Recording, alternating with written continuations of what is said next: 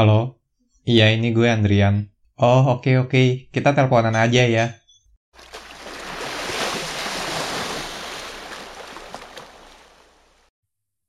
Oke guys, di episode kali ini gue akan membahas banyak tentang Ramadan, rasanya menjadi santri dan berkuliah, dan tentang menyebarkan hal-hal baik. Bersama salah satu teman dekat gue yaitu Dina Fatlilah. Halo Dina, Halo, selamat Hari Raya Idul Fitri. terima kasih. Maaf lahir batin. Maaf lahir batin juga. Gimana Ramadan tahun ini? Serukah, sepikah, atau gimana? Em, sebenarnya berubah ya pasti karena kan kondisinya juga beda. Tapi Oke, alhamdulillah tetap kerasa keberkahannya walaupun eh, ya sepi aja gitu lebih sepi. Yang tadinya orang kalau misalkan pulang sholat id pada salam-salaman ini benar-benar sama sekali nggak ada gitu. iya Langsung pada iya. Langsung pada apa? langsung pada pulang. Oke. Nah, tapi dari tahun ke tahun lu selalu menargetkan suat- sesuatu gak yang ingin dicapai di bulan Ramadan?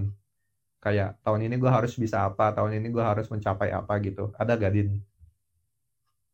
Kalau targetan eh, pasti selalu ada. Cuman makin dewasa gitu ya, makin belajar eh, itu tuh berubah gitu. Jadi kalau misalkan dulu targetnya itu lebih ke kuantitas.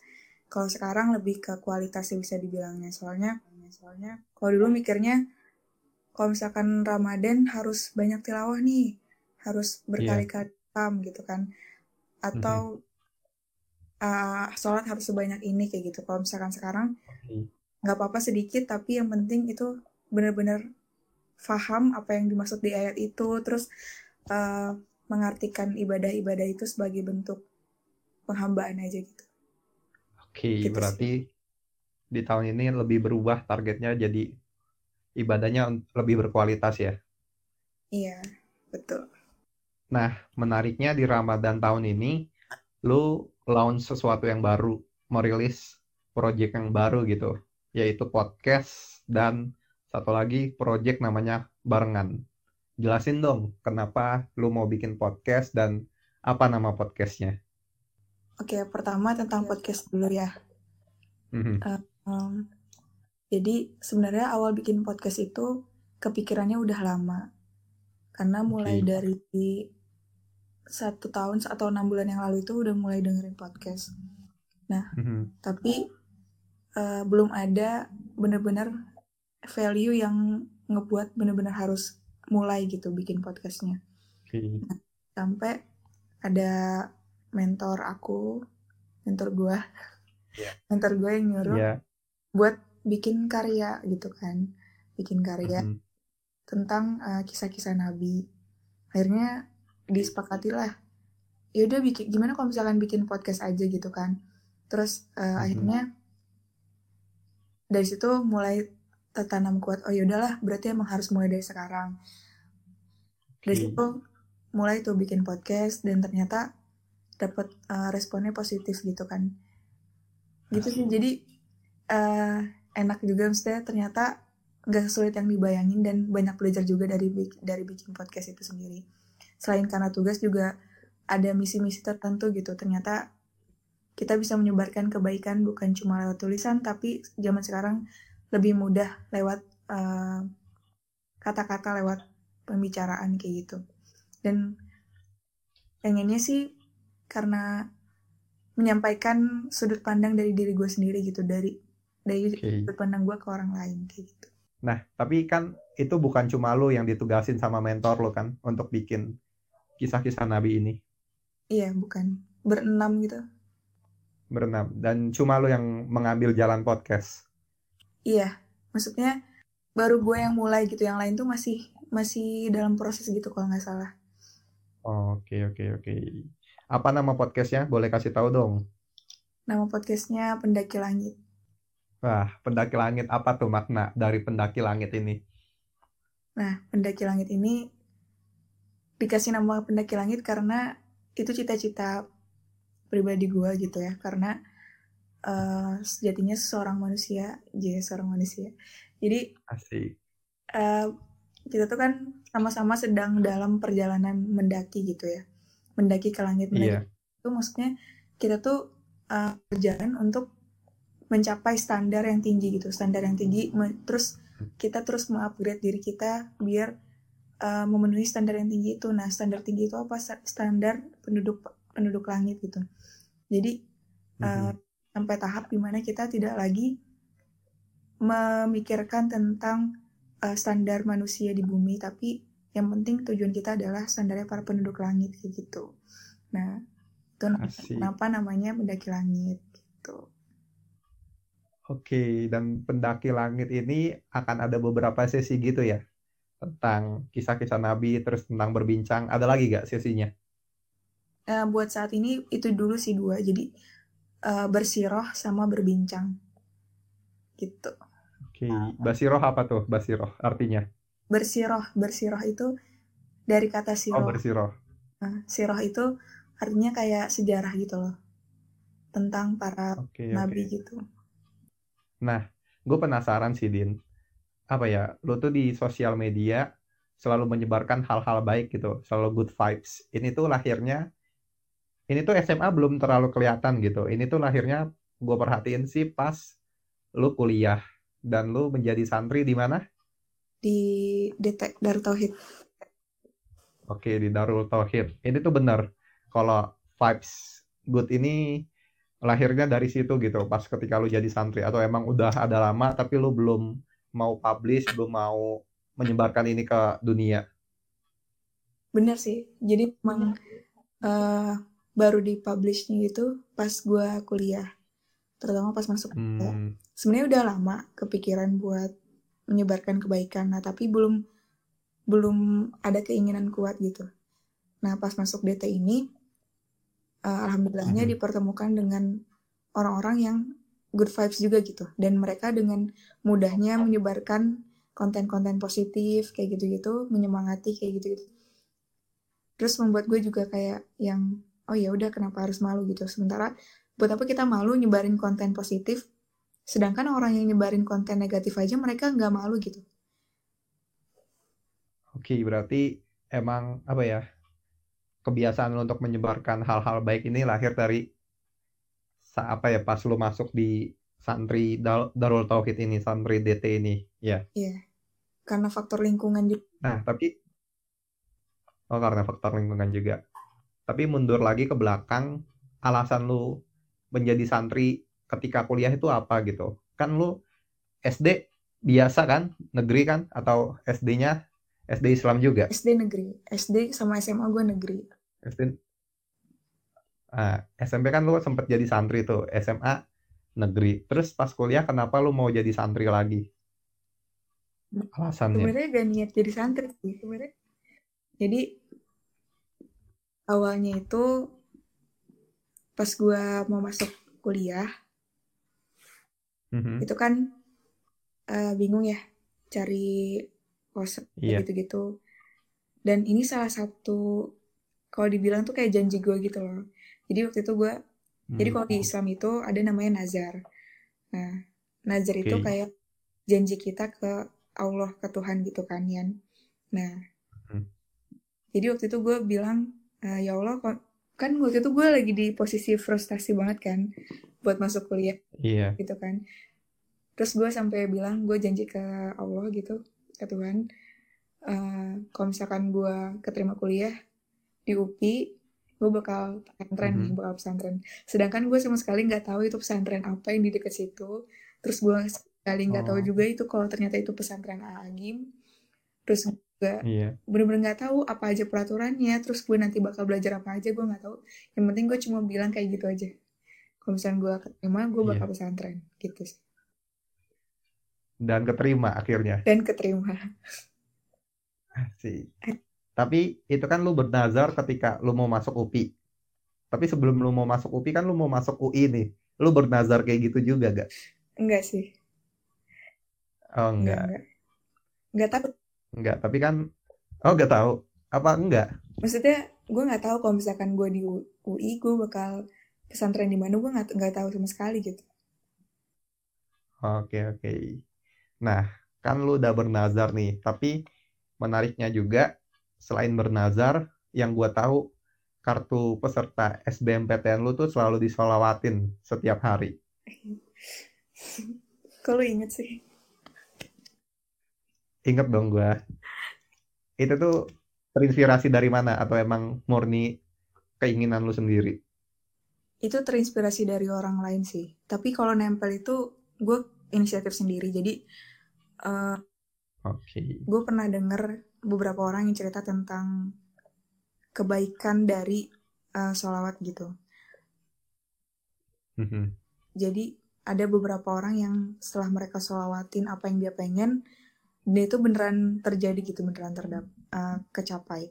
Nah terus akhirnya gue coba aja kan uh, iseng-iseng kartu peserta itu tuh gue udah udah ujian gitu. Jadi gue nempel itu setelah gue ujian. Oh, Iya. iya lanjut. pas pas udah selesai ujian baru gue tempel kan di ping kasur Iya. gue di pokoknya di samping lah Mhm. di kan kasur gue nempel ke tembok gitu nah terus setiap gue mau tidur dan setiap gue bangun gue pasti kan lihat itu kan nah jadinya Mhm. dari situ uh, barulah muncul keinginan buat disolawatin disolawatin gitu kan dan alhamdulillahnya gitu Dan alhamdulillahnya berhasil ya. Asik. Tapi mundur lagi ke belakang, lu sempat bilang kalau lu pernah ada di masa frustasi. Itu karena lu gagal masuk UI atau apa? Eh, iya sih Oke. Nah, cara lu menghadapi masa-masa itu gimana? Kan kita semua tahu nih, kita semua. Enggak, kita yang satu SMA sama lu tahu, lu juara umum, lu peringkat gitu. Lu aktif juga di organisasi. Tapi ketika lu masuk PTN jalur SNM, itu tuh enggak gagal gitu. Dan apa perasaan lu saat itu, Din? perasaan gue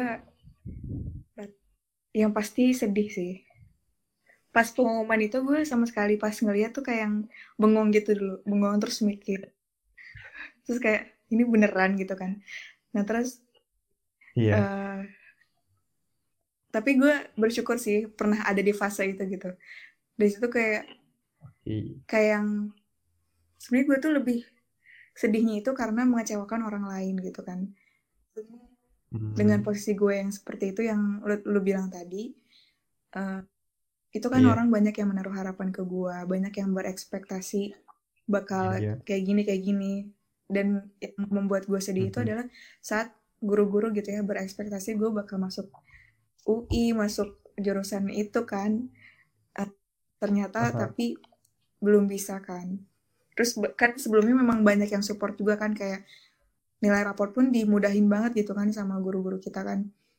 Tapi ternyata Iya. malah mengecewakan. Di situ kayak yang sedih lah pasti sedih banget kan. Dan ngecewain orang tua juga. Maksudnya kayak gue udah les juga. Pokoknya gue dari situ kayak perasaan usaha gue udah lumayan gitu. Tapi ternyata memang bukan jalannya gitu sih. Oke. Dan cara lo menghadapi masa-masa frustasi itu gimana? caranya ya ini sih ngelihat ke depan aja gitu. Kalau misalkan gue terus-terusan frustasi ya gue nggak bakal dapet apa-apa gitu. Terus kayak alhamdulillahnya kayak ibu gue juga coba nenangin ya. Nggak apa-apa kok ibu nggak apa-apa. Ibu gue cuma bilang gitu loh nggak apa-apa kok ibu nggak apa-apa gitu. Eh, yaudah sekarang kita daftar aja yang eh, ujian SBMPTN terus eh, daftar juga ujian-ujian mandiri yang lain itu sampai banyak banget gue daftar ujian mandiri yang pakai nilai SBM yang pakai tes kayak gitu Mhm. buat Oke, buat oke, nyembuhin berarti. itu. Nah, berarti kan ibu lu juga suportif banget nih sama lu. Tapi gue penasaran sih, kenapa UPI?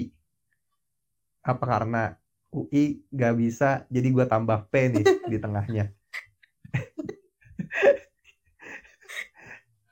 Kenapa? Kenapa UPI?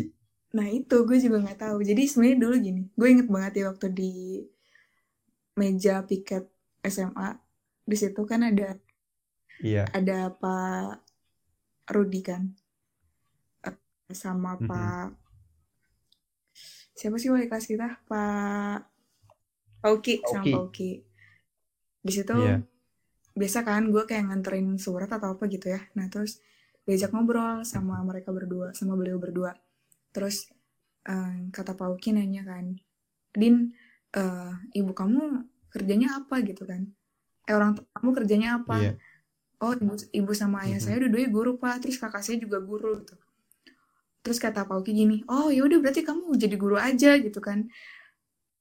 Terus kata gue gini hah tapi saya nggak mau jadi guru pak gitu. Masa semuanya guru sih kata gue gitu. Itu gue inget banget sumpah. Iya, itu gue iya. inget banget.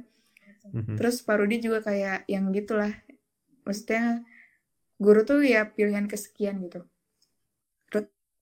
Iya, terus? Eh, akhirnya entah kenapa yang ada di pikiran gue pas udah nggak lolos SNM itu apa gue jadi guru aja kali ya gitu. Jadi kayak pilihan terakhir gitu apa mungkin emang jalani buat jadi guru gitu kan.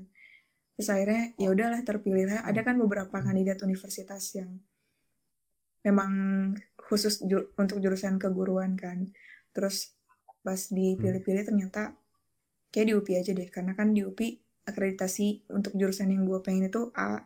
Terus eh ya bisa dibilang kampus pendidikan gitu kan. Jadi akhirnya terpilihlah UPI Oke, berarti yang seharusnya jadi pilihan terakhir itu justru ketika gagal SNM malah jadi pilihan paling pertama. enggak sih enggak enggak pilihan pertama jadi setelah gue gagal SNM Enggak. itu gue tetap nyoba UI di SBM dan SIMAK Oke. Iya. gitu Oh. iya Pilihan pertama SBM lu UI berarti. SBM pertama UI iya UI tapi beda jurusan Pendidik. Oh, beda jurusan. Untung si UPI nerima ya walaupun diduakan gitu. iya ya Udah Itu itu kan sering banget tuh obrolan kayak gitu. Kalau PTN tuh gak mau diduakan gitu. Kalau waktu orang-orang mau daftar SNM ya kan? Eh SBM Iya, iya, SNM nah ketika emang si pilihan untuk menjadi guru ini disebut pilihan terakhir pilihan kesekian dan juga diduakan tapi sekarang lu udah apa ya udah udah bertekad penuh untuk jadi guru atau belum atau lu masih mau nyoba kayaknya dengan jurusan ini gue masih bisa nyoba profesi yang lain Kalau sekarang karena udah di tingkat dua kali ya, jadi mulai kerasa kan vibe Hmm. vibes gurunya gitu. Nah, Oke. ada keinginan untuk jadi guru ke depannya, tapi gue juga nggak menutup kemungkinan buat profesi lain yang mungkin gue jalanin selain jadi guru gitu. Karena sekarang juga gue Hmm. masih explore apa yang sebenarnya gue bisa dan gue sebenarnya nggak mau menjadikan guru itu adalah pekerjaan utama gue gitu nanti karena bakal berat gitu bakal berat ngejalaninnya kalau misalkan gue ngejadiin guru itu adalah pekerjaan utama gue gitu karena karena menjadi guru itu menurut gue eh, susah-susah gampang gitu. Kalau misalkan materi yang kita kejar gitu ya sama jadi guru itu bakalan sayang aja gitu. Karena dan gak bakal maksimal juga Iya. dalam mendidik gitu kan. Karena yang namanya guru itu bukan cuma ngajar tapi juga Hmm, mendidik gitu kan. Gitu sih. Jadi pengennya iya iya. ya guru itu gue jadikan sebagai eh, hobi aja sebagai aktivitas biasa gitu gila sih gue baru ketemu orang yang pengen jadi guru tapi pengen jadiin guru itu sebagai hobi. Gila gila gila. Nah kita masuk ke masa kuliah dan masa ketika lu masuk pesantren juga dan menjadi santri. Apa rasanya berkuliah dan menjadi santri? Artinya lu punya dua kegiatan kegiatan di kampus dan kegiatan di pesantren. Itu gimana rasanya dan gimana ngejalaninnya? Gue sebenarnya bingung kok kalau ditanya tentang ini. Karena gue pribadi eh, selama ini karena gue orangnya slow kali ya jadi nggak terlalu yang mikirin banget gitu loh. Tahu-tahu tahu-tahu ternyata Hmm, udah beres aja gitu. Cuman pasti ada pasti ada perasaan di saat-saat di mana gue ngerasa ya ampun kok ini berat banget ya gitu. Maksudnya gue ngeliat kayak orang-orang kayak teman-teman gue teman-teman kelas gue yang lain mereka bisa aja tidur jam 8 malam, jam 9 malam gitu kan kalau misalkan gak ada tugas. Sedangkan gue ada tugas gak ada tugas tetap Mhm. tidurnya tuh larut gitu kan. Apalagi ada tugas bahkan gue sampai pernah oke. beberapa kali nggak tidur sama sekali gitu pas malam. Nah terus eh tapi di balik itu semua pasti ada kelebihan lain yang gue dapetin gitu dari situ. Dan itu sih pasti apa Iya, sih iya. ngerasa ngerasa banget ternyata eh, keberkahan itu tuh berpengaruh banget. Pokoknya gue merasakan banyak keajaiban sih selama gue kuliah sekaligus jadi santri gitu.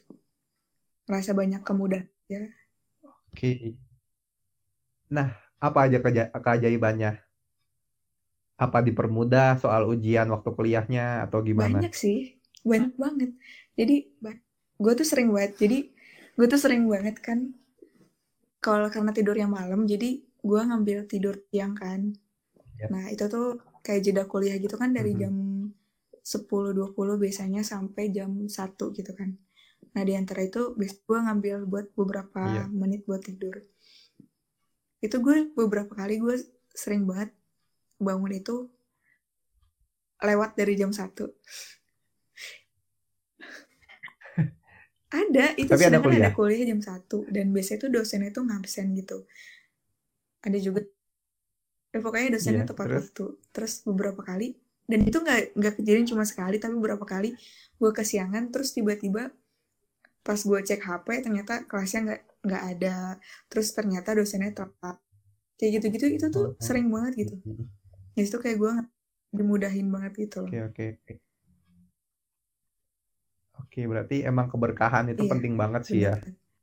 Oke, nah yang gua lihat kan ketika lo menjadi apa ya, ketika lo berkuliah dan menjadi santri di pesantren ini kegiatannya tuh enggak kaku gitu. Maksud gue kegiatannya mengikuti zaman. Itu bener gak sih bener-bener anggapan karena gue?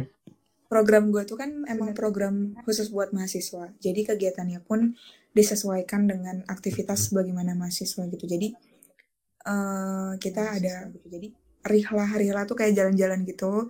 Nah terus ada juga kegiatan yang Iya. memang kita benar-benar membuktikan pengabdian kita gitu sebagai eh, seorang manusia. Jadi di pesantren itu ada yang namanya Pekan Parade Muslim. Nah Pekan Parade Muslim ini terdiri dari banyak kegiatan.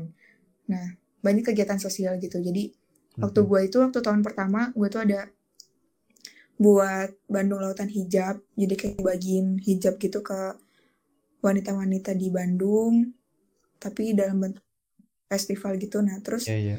ada juga ke panti jompo terus ada juga anak muslim kreatif. Jadi kayak kita ngajakin anak-anak kecil gitu buat belajar Islam. Terus juga ada festival dakwah peradaban gitu. Jadi tentang kita ngundang pemateri-pemateri gitu. Ya semacam kayak gitulah. Jadi acara-acara kepemudaan kayak gitu Oke, got it sih. Nah, gue yakin sih emang setelah lu jadi apa ya berkuliah dan menjadi santri, good vibes lu keluar banget gitu. Lu emang menebarkan hal baik karena emang kegiatan di pesantrennya juga kegiatan yang keren-keren gitu. Gue nggak pernah kepikiran sih bikin Bandung Lautan Hijab gitu. Iya Itu gitu berarti banget. dulu gue ini ya menyebarkan keburukan ya Apa? Enggak, maksud gue dulu tuh lu kayak masih biasa-biasa aja gitu. Tapi kalau sekarang status lu kalau nggak receh ya tentang Tapi tetap ada kebaikan recehnya. gitu. Tetap ada recehnya. Nah, tapi lu juga aktif di kampus. Ikut himpunan atau Waktu BEM atau tahun apakah? pertama gue himpunan di jurusan Mhm. tahun kedua ini Iya. gue nggak himpunan tapi gue aktif di lembaga dakwah kampus gitu sih itu aja sih gue kalau di di kampus cuma sekarang lembaga ya dakwah kampus aja lembaga sekarang. dakwah Nah, tapi lu pernah gak sih tanya diri lu kalau apa ya, kenapa sih gua selalu gak bisa lepas dari hal-hal atau kegiatan-kegiatan yang berbau keagamaan gitu? Pernah. Pernah jadi eh, akhir-akhir ini gue mulai merasa menyadari ternyata gue dari dulu selalu jadi anak eh, lembaga dakwah gitu dari SMA kan gue anak rohis kan lo tahu kan Mhm. terus pas SM pas kuliah gue juga Iya. masuk lembaga dakwah kampus kayak gitu akhir-akhir ini gue mulai mempertanyakan kenapa harus masuk lembaga kayak gitu kan sedangkan gue pernah ada di posisi gue pengen punya sudut Iya. pandang lain gitu tentang eh, anak-anak lembaga dakwah gimana rasanya memandang anak lembaga dakwah sedangkan gue kayak orang biasa gitu gue pernah ada di posisi kayak gitu. Tapi semakin gue belajar ternyata justru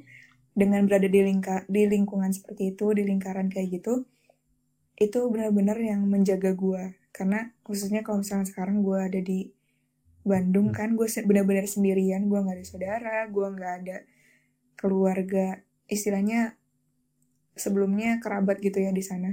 Dan itu benar- benar-benar nggak ada gitu dan kalau misalkan Iya. gue salah sedikit atau gue mulai keluar jalannya itu ya yang ngingetin itu ya mereka-mereka karena yang gue sadar gitu Oke. anak lembaga dakwah tuh kayak baik-baik banget gitu gak sih soalnya dulu kan kayak gue jarang Mhm. jarang kumpul jarang ketemu mereka gitu ya tapi sekalinya gue datang mereka tuh bukannya malah ngucilin gue tapi mereka tuh kayak yang nyambut oh iya din iya ayo masuk masuk gitu sini din sini ikut yuk kumpul ayo makan kayak gitu terus kayak bener-bener yang welcome welcome gitu loh anaknya ya orang-orang baik kali ya karena orang-orang baik Oke, berarti lu ambil kesimpulan kalau diri lu yang nggak bisa lepas dari kegiatan keagamaan itu juga sebagai penjaga lu di lingkungan Iya, luar betul. sana gitu di Bandung.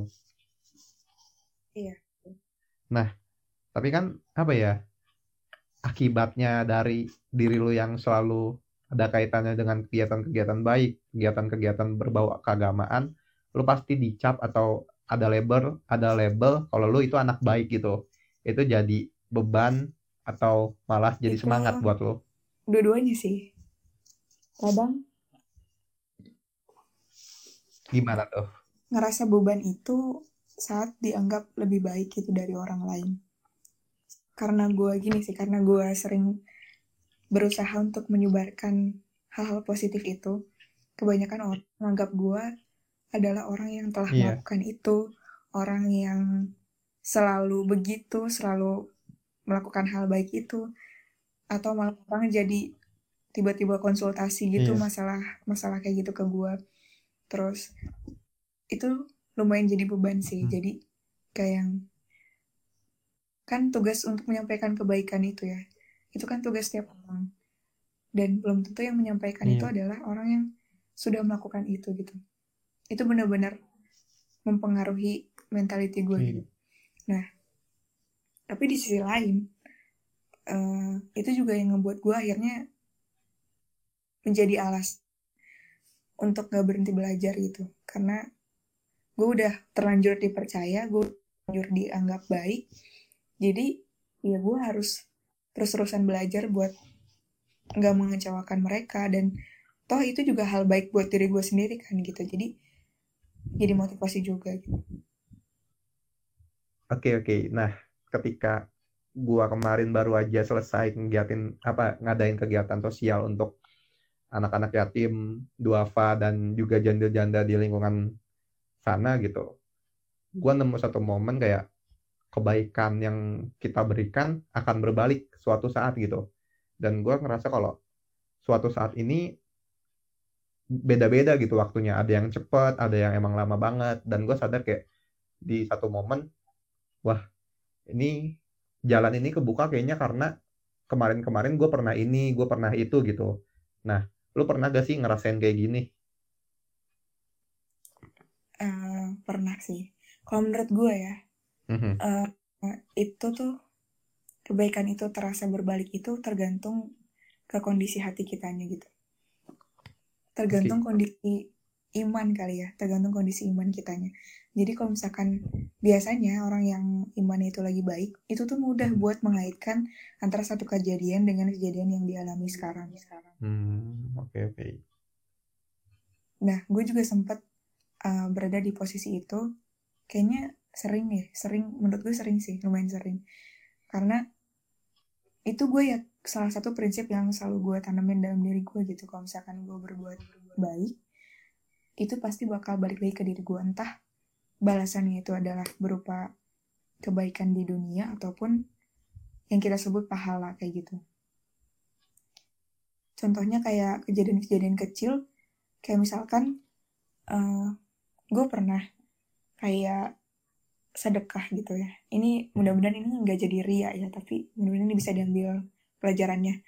Jadi Amin. waktu itu gue, gue sedekah buat Palestina. Mhm. Itu gue sebenarnya kayak masih mikir-mikir gitu loh, kayak, duh gue sedekah nggak ya? Sedangkan uang gue aja tinggal segini gitu, tapi Iya. gue tuh pengen pengen maksudnya ini ada kesempatan baik gitu kan dan dan berjangka waktu gitu. Kalau misalkan gue nggak sedekah di waktu itu ya bakal lama lagi dibuka donasinya gitu. Terus ya udah apa Bismillah. Akhirnya gue transfer sekian gitu ya sekian. Mhm. nggak terlalu besar gitu. Nah dari situ abis transfer itu gue langsung berangkat ngajar kan. Berangkat ngajar tiba-tiba pas gue udah selesai ngajar eh, jadi itu kan ngajarnya tuh kayak memang sukarela gitu. Mhm. Terus pas gue mau pulang tiba-tiba ibunya ibu yang yang jadi pengajar juga tapi pengajar yang udah lama panggil gue "Eh, teh sini dulu teh gitu. Ini ada titipan dari si kakak gitu. Terus eh gue dikasih amplop eh, isinya tuh uang gitu dan itu tuh lebih banyak daripada apa yang udah gue kasih gitu. Buat eh, sedekah itu sedangkan itu tuh waktunya benar-benar abis gue sedekah terus tiba-tiba langsung dikasih gitu loh Wah, gila sih. itu benar-benar kayak gue itu nambah yakin sih kalau misalkan kita sedekah nggak akan berkurang gitu harta kita gitu dan apa dan sedikit aja nih yang kita lakuin kebaikan itu bakal berbalas gitu itu pasti bakal berbalas bahkan jauh lebih baik gitu Oke, oke, oke. Gue paham, gue paham. Nah, tapi gue juga bertanya-tanya sih soal kebaikan ini. Kan lagi rame nih. Tangan kanan memberi, tangan kiri mengupload gitu. Ini juga jadi jadi pertanyaan sih buat gue ketika emang gue melakukan kebaikan atau berkegiatan baik gitu dan gue menguploadnya di sosial media apakah itu menunjukkan bahwa gue tuh gue sombong gitu atau gimana gitu menurut lo gimana kalau menurut gue setiap orang akan mendapatkan apa yang dia niatkan. Itu prinsip gue sih. Jadi kalau misalkan jadi kalau misalkan di Islam ya eh, Iya. sedekah itu boleh ditampakkan pun sembunyi-sembunyi. Itu. Jadi itu itu jelas gitu di Al-Quran tuh ada. Nah jadi gue sebenarnya nggak masalah sih sama orang-orang yang menampakkan eh, sedekahnya gitu justru kalau misalnya gue ngeliatnya kayak eh, ya bagus aja karena siapa tahu dengan dia berlaku seperti itu banyak orang yang terinspirasi buat sedekah juga gitu kan tapi balik Iya, lagi iya. tergantung ke niat gitu kalau misalkan eh, niatnya awalnya buat gaya-gayaan buat ria ya itu yang bakal dia dapetin gitu sih jadi setiap orang bakal Hmm. mendapatkan apa yang dia niatkan gitu prinsip gue Oke, oke. Berarti tergantung niat awal kita melakukan kegiatan baik itu ya. iya betul Nah, ngomong-ngomong soal kegiatan baik nih. Akhir-akhir ini lu lagi berisik banget soal kebaikan gitu. Entah apa yang lu rencanain, gue pun nggak tahu. Tapi muncul satu akun Instagram, yaitu barengan. Barengan ID kalau nggak salah. iya Itu tentang apa? ini gokil sih ini baru lo yang pertama kali nanya loh. Dan kayak gini. Itu tentang apa, Din? Barengan ID. jadi barengan ID itu project project gue berlima sama jadi gue punya temen di pesantren. Pesantren itu gue punya temen. Nah kita tuh sama-sama dulunya bisa dibilang aktif ya di sosial media gitu kan. Sampai sekarang Iya. ya terus juga alhamdulillahnya punya banyak relasi lah istilahnya gitu nah terus entah kenapa tiba-tiba kita berinisiatif untuk membentuk suatu eh, komunitas bisa dibilang komunitas Iya. project itu, project barengan ID itu. Nah, itu rencananya buat karena kita kan merasa kita tuh udah lulus kan dari program ini, program pesantren ini. Iya. Karena berlandaskan rasa kasih sayang, enggak enggak. Berlandaskan rasa apa ya? persaudaraan jadi mm-hmm. kita pengen walaupun kita udah lulus itu bakal tetap ada komunitas yang bakal ngikat kita gitu, bakal ngikat kita gitu.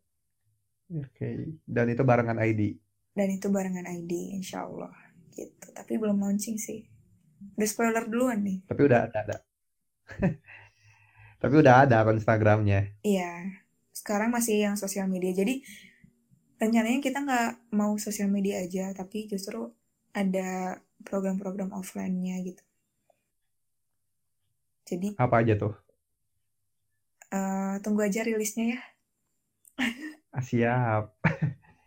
Tapi spoiler dikit boleh. Komunitas ini akan bergerak di bidang apa, di jalan apa? Di jalan banyak sih.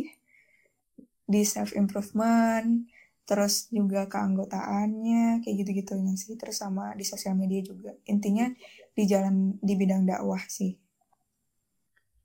I see I see. Nah, gue sempat ngobrol sama Sahrul gitu soal dakwah. Kalau dakwah ini harus bersifat universal di mana aja dan bukan cuma di tempat ibadah. Lu setuju gak soal ini? Setuju, setuju parah. Jadi, setuju parah. menurut gue, yang namanya dakwah itu kan menyeru ya. Mm-hmm. Kalau misalkan kita cuma berdakwah di tempat ibadah, orang yang udah datang ke tempat ibadah itu udah pasti dia mau ibadah kan. Oke. Okay. Kalau misalnya kita cuma menyerunya di situ, gimana caranya kita mau ngajak orang lain di luar tempat ibadah itu buat sama-sama ngerasain indahnya Islam gitu. Kayak gitu sih. Hmm. Jadi menurut gue ya ibadah itu ya memang harus dilaksanakan secara universal. Dan pendekatannya itu beda-beda tergantung target dakwahnya kita itu kayak gimana kayak gitu sih oke okay. nah ngomong-ngomong juga soal self improvement akhir-akhir ini juga lu berisik tentang minimalis. Kalau balik semuanya sih? Kenapa? Enggak gue kan harus apa ya nanya yang bikin gue penasaran. Kenapa lu tertarik dengan seni hidup minimalis? Uh, karena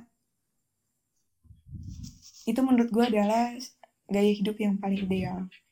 Jadi Asyik. karena setelah gue belajar ya hidup ini hidup, hidup minimalis itu bukan cuma tentang sekedar uh, perintilan-perintilan di sekitar kita, tapi atau tentang benda-benda gitu ya, tapi juga tentang pola mhm. pikir, mm -hmm. tentang lingkup pertemanan, terus gimana cara kita memandang sesuatu dan mm-hmm. menurut gue itu bener-bener ngebantu kita banget gitu dan uh, minimalis ini ternyata gitu ya. Ternyata ini udah diterapin yeah. sejak dulu dengan sejak dulu oleh para uh, utusan utusan Allah gitu. Maksudnya kalau bisa dibilang sejak dulu tuh udah diterapin oleh para nabi. Dan kalau misalkan dia setelah dilaksanain tuh benar-benar ngebantu banget gitu di hidup. Kayak gitu. Oke selain gaya hidup yang ideal ternyata emang ini emang kebiasaan emang udah ada dari zaman dahulu ya. Iya betul. Dan nah banyak manfaat. dan apa? Oh, banyak manfaatnya. Betul. Oke, karena sekarang masih suasana Ramadan, dan banyak orang yang bilang kalau Ramadan tahun ini berbeda. Ada yang bilang sedikit ada yang bilang banyak. Tapi buat seorang Dina Fatlilah apa yang paling bermakna di Ramadan tahun ini? Di Ramadan tahun ini yang paling bermakna adalah gue bisa mulai berkarya. Asik. Karena langsung dua karya ya? Iya. Karena sebelumnya cuma muter-muter di otak gue gitu ya. Pengen bikin ini pengen bikin ini. Hmm. terus tapi nggak dilakuin lakuin gitu cuma karena alasannya waktu nah salah satu positifnya dari pandemi ini kan kita disediakan banyak waktu ya Iya. Mhm. dan alhamdulillahnya bisa mulai gitu terus banyak sih banyak menurut gue banyak banyak positifnya justru Oke, oke. Nah, apa ya? Ketika pandemi ini memberikan kita banyak waktu gitu, di sisi lain justru pandemi ini yang membuat kita banyak waktu secara gak langsung memaksa kita untuk produktif gitu. Dan beberapa orang justru merasa tertekan ketika orang lain produktif, tapi dirinya sendiri tuh kayak gue masih rebahan aja nih, gue masih di sini-sini aja. Lu termasuk orang yang kayak gitu atau gue harus lebih produktif atau emang gue produktif dengan cara gue gitu. Gue yang terakhir sih. Gue yang produktif dengan cara yang dengan cara Hmm. lu gue sempat berada di posisi itu juga sih maksudnya ngelihat yang orang lain wah kerennya dia udah udah bisa bikin ini udah udah terkenal udah ya macam-macam lah ya. Tapi balik lagi Iya. gue mikir kayak ya setiap orang prosesnya itu beda-beda. Terus eh, setiap orang itu jalannya ya beda-beda gitu buat mencapai eh, targetnya sendiri dia punya caranya masing-masing gitu dan gue menganggap kalau misalkan sekarang kalau misalnya ada orang lain yang udah yang udah jauh gitu ya udah banyak banyak Mhm. karyanya banyak banyak hasil pemikirannya terus banyak pengikutnya sekarang gue ngeliatnya kayak yang ya nggak apa-apa kalau misalkan gue belum sampai ke tahap itu yang penting yang penting satu yaitu jangan jangan diem aja jangan berhenti gitu. Jangan berhenti jangan diem aja. Lakukan kebaikan. Kalau bisa kebaikan itu dilakukan secara barengan. Betul. Wah keren keren. Di- harusnya dijadiin quotes itu Oke. harusnya dijadiin quotes. Nanti gua bikin deh. Oke. Pesen lu nih buat mereka yang baru mau berubah gitu baru mau menyebarkan kebaikan tapi masih takut apa gua pantas ya? Apa gua ini udah waktunya gua menyebarkan kebaikan gitu. Apa din pesen lu? Dan untuk terus terus semangat menyebarkan hal-hal baik. Kesannya gue positive vibes gitu ya? Iya buat gue. Gak tahu buat yang lain. Nggak nggak. Justru lu yang menurut gue positive vibes kok gua nggak ngapa-ngapain anjir enggak lu kan sekarang udah bikin podcast terus juga ikutan lomba kan itu keren menurut gue I'll take this as compliment. Iya guys. enggak lah itu gue beneran gue beneran bilang jarang kan gue muji Jarang-jarang banget. jarang banget Apa dong pesan lu buat orang yang mau berbuat baik gitu, yang baru mau mulai? Eh, pesannya sebenarnya intinya satu jangan insecure gini sih kalau gue mikirnya adalah eh pertama sebelum kita memulai buat menyebarkan kebaikan dengan cara kita yang pertama kali harus Mhm. dilakukan yang pertama kali harus dilakukan adalah cari potensi kita yang benar-benar kita bisa lakuin gitu jangan mentang-mentang Oke. orang lain uh, menyebarkan kebaikannya lewat desain misalnya. Sedangkan lo tuh emang gak ada bakat di situ terus lo maksain dan lo menunggu diri lo sampai siap gitu dan itu tuh la- bakal lama gitu. Bakal lama gitu. Jadi lo tuh harus kenalin diri lo sendiri, lo cari potensi lo di mana, apa yang bisa lo manfaatin dari diri lo dan itu lo pakai gitu, lo pakai buat menyebarkan kebaikan itu. Kalau misalkan lo bisanya ngomong, ya udah lo ngomong aja. Lo bikin podcast misalnya, lu bisa nulis ya lu bikin tulisan lu bikin dis- bisa desain ya lu bikin desain buat menyebarkan kebaikan itu jadi jangan menyamakan standar orang lain buat diri kita sendiri gitu. Karena ya itu bak- bakal beda gitu. Dan orang lain pun punya struggle-nya masing-masing. Belum tentu orang yang lu anggap udah menyebarkan ke- kebaikan lama kayak gitu terus udah banyak yang eh, mengapresiasi karyanya kayak gitu-gitu. Mereka nggak punya struggle justru mereka tuh punya struggle-nya masing-masing. Entah diujinya adalah dengan perasaannya sendiri gimana caranya meluruskan niat atau uh, ujiannya adalah kontennya kurang atau gimana. Dan lu tuh harus yakin kalau misalkan kebaikan itu ya menyebarkan kebaikan itu ya kewajiban dari setiap orang gitu. Dan jangan sekali lagi gue tekanin jangan menyamakan standar lu dengan standar orang lain kayak gitu sih. Dan ingat aja kalau misalkan apresiasi dari manusia itu nggak ada apa-apanya gitu. Yang yang terpenting adalah apresiasi dari Tuhan apresiasi dari Allah gitu. Karena ya sejatinya tujuan kita hidup dunia itu buat apa gitu? Dan tujuan lu menyebarkan kebaikan itu ya buat apa? Kayak gitu sih. Keren banget gue dapat poin ya. Pertama kenali potensi diri lu dan apakah itu ada manfaatnya. Kedua mulai dan jangan melihat orang yang udah mulai lebih dulu karena setiap orang punya struggle setiap orang punya rintangan setiap orang punya masalahnya masing-masing. Ketiga apresiasi apa apa apresiasi dari manusia itu nggak ada apa-apanya dibanding apresiasi dari sang pencipta Betul. ya kan Betul.